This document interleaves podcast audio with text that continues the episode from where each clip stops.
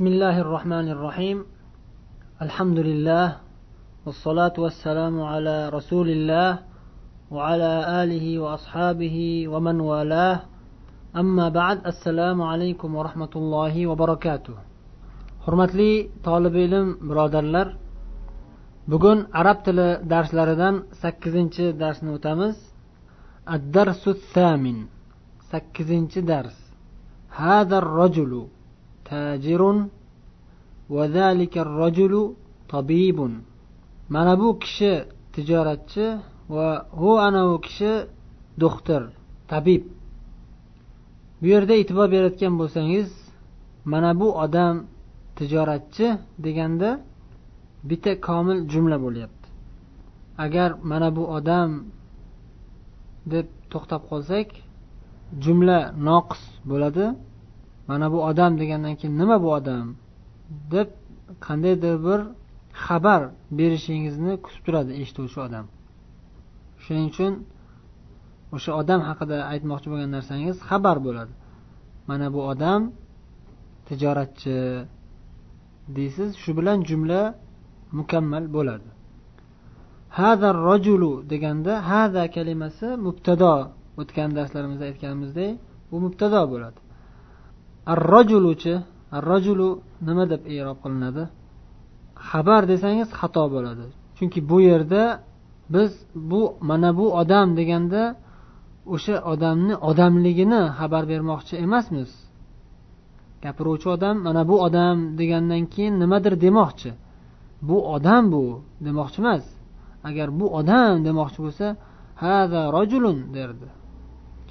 Lekin bu yerda hada rojul bu odam deb turib nimadir demoqchi. Demak bu yerda bu odam bu kishi hadar rojulu tajirun. Bu kishi tijoratchi deganda bu kalimasidan kishi kalimasi badal deyiladi. Hada mubtado ar rojulu badal. Bitta narsani ko'zda tutilyapti bu kishi deganda bu bilan kishi ya'ni bitta narsa. Hadani o'rnini bosayotgan kalima. Bu kishi deyapsiz. Bu kishi ya'ni hada kalimasini o'rnini bosib kelayotgan ar rojulu kalimasi badal deyiladi. Bu kishi deb turib nimadir demoqchisiz. Kim bu kishi? Bu kishi tijoratchi. Rojulu va u anavi kishi deganda ham xuddi shunday. Zalika mubtado ar rojulu zalikadan badal. U anavi odam odam demoqchi emassiz u anavi odam nimadir deb xabar bermoqchi. Kim u anavi odam u anavi odam doktor doktor tabib kalimasi xabar bo'ladi. Endi keyingi misol ismu tajiri mahmudun vasmu tabibi saidun. Ismu tajiri mahmudun.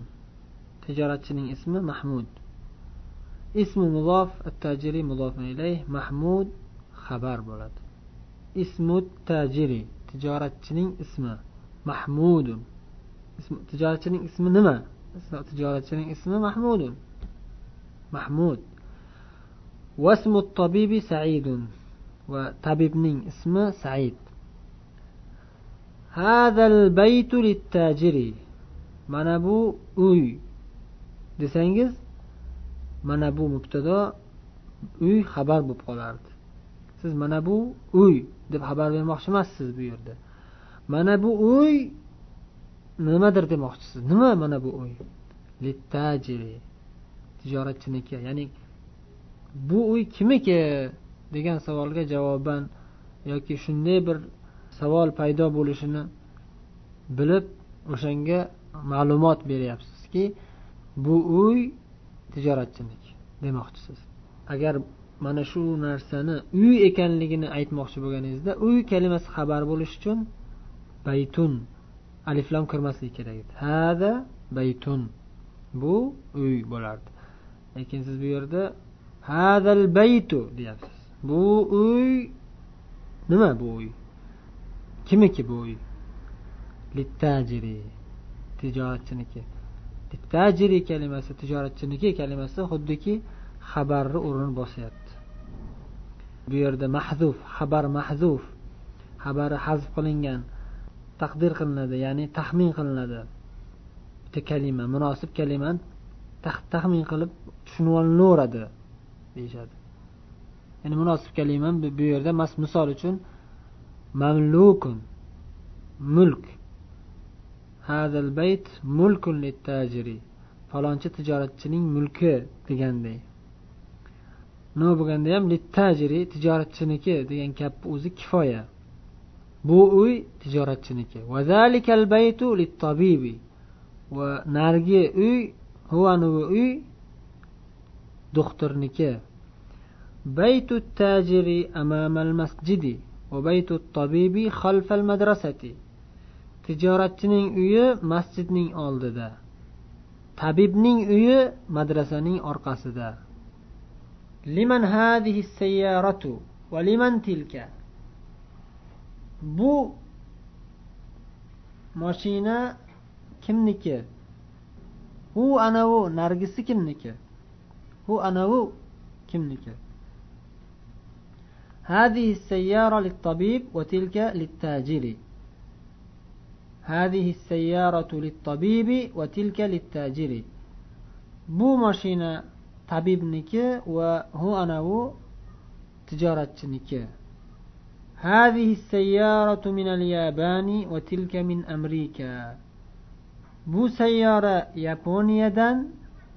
يعني يابونيا شلب تخرجان دمخت وهو أنا هو أمريكا دان. إن مشق لاركلامس تمارين. التمرين الأول. أجب عن الأسئلة الآتية. kelayotgan savollarga javob bering. Avval man hada rajulu va man zalika rajulu man rajulu man istifhom. Savol degan istifhom. Kim bu kishi? Va kim? Hu ana u kishi? Ya'ni o'zbekcharoq qilib aytadigan bo'lsak bu kishi kim va nargis nargi odam kim? As sani javobi nima? Yuqoridagi o'tilgan misollardan olib javob berasiz. Assualu sani masmu tajiri. Ma bu ham istifhom.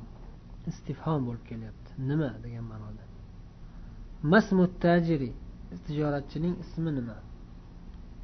Nimaga ma ismu tajiri demayapmiz?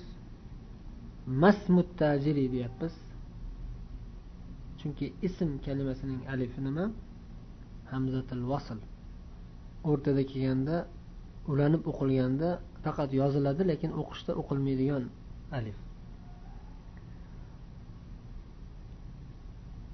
السؤال الثالث ما اسم الطبيب السؤال الرابع من أين سيارة الطبيب min dan qo'shimchasi harfi jar o'tgan darslarimizdan birida aytganmiz. Ayna qayerda?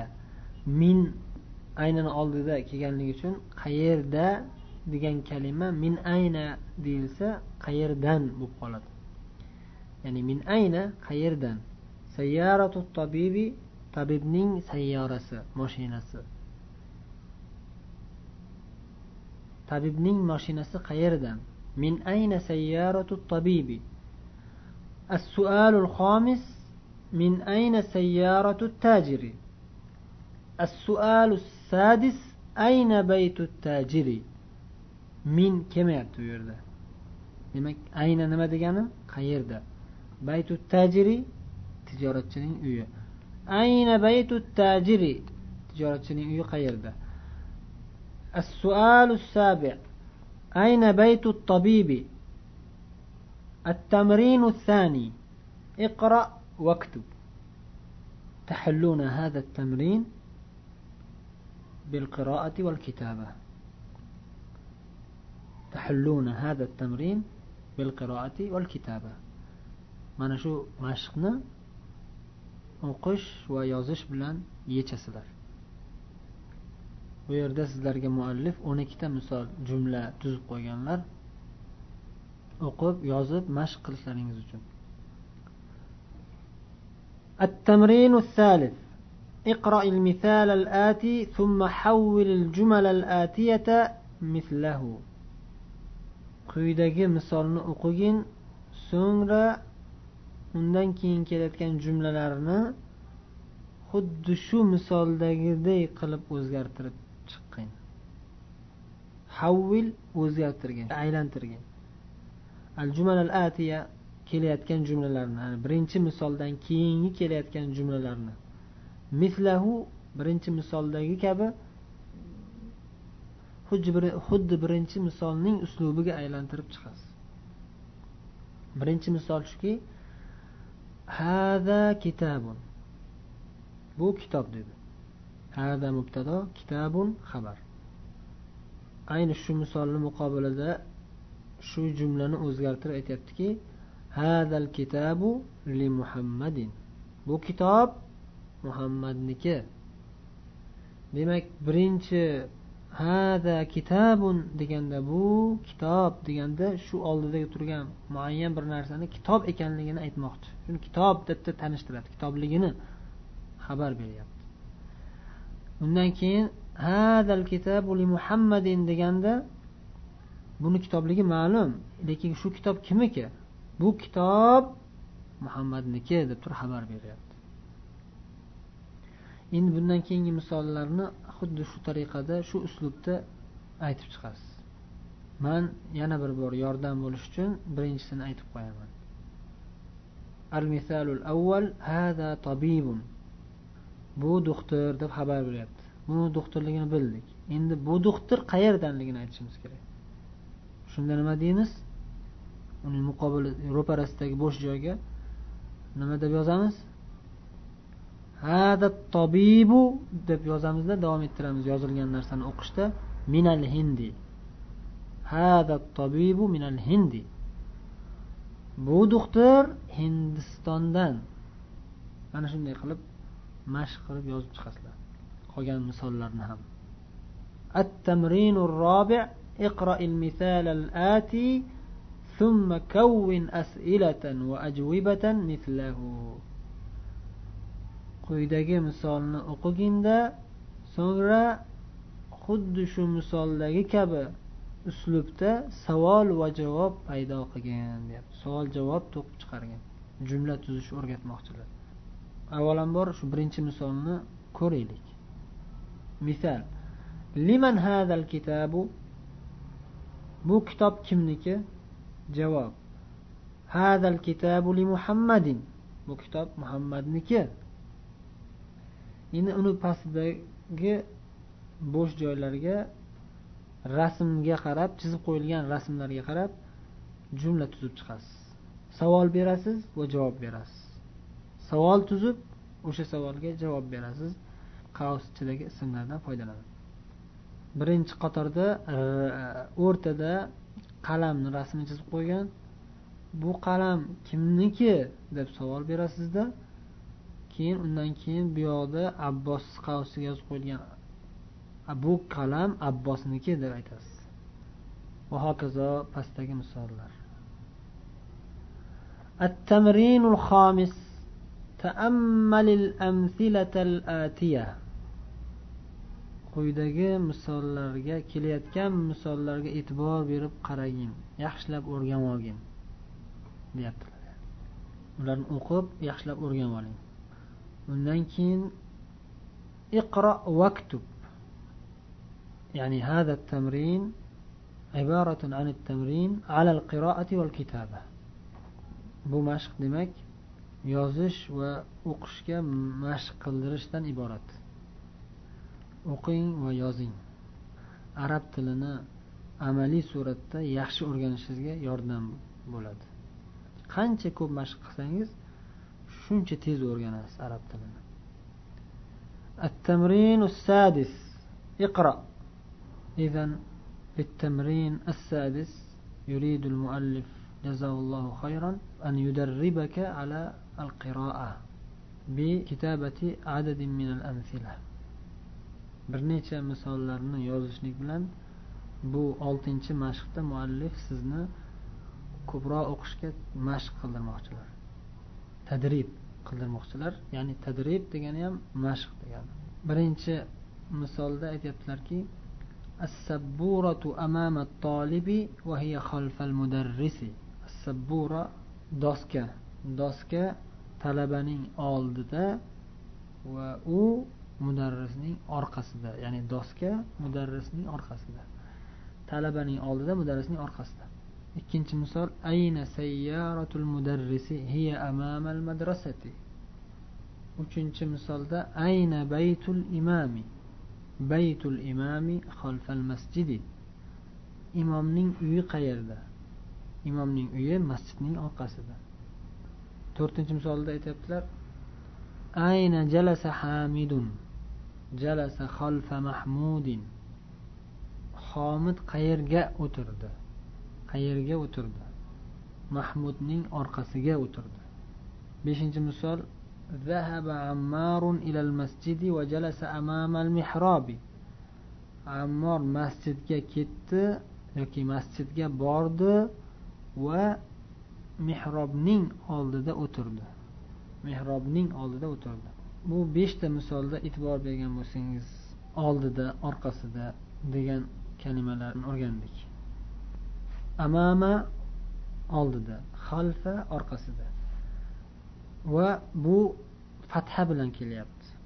E'tibor bergan bo'lsangiz fatha bilan kelyapti.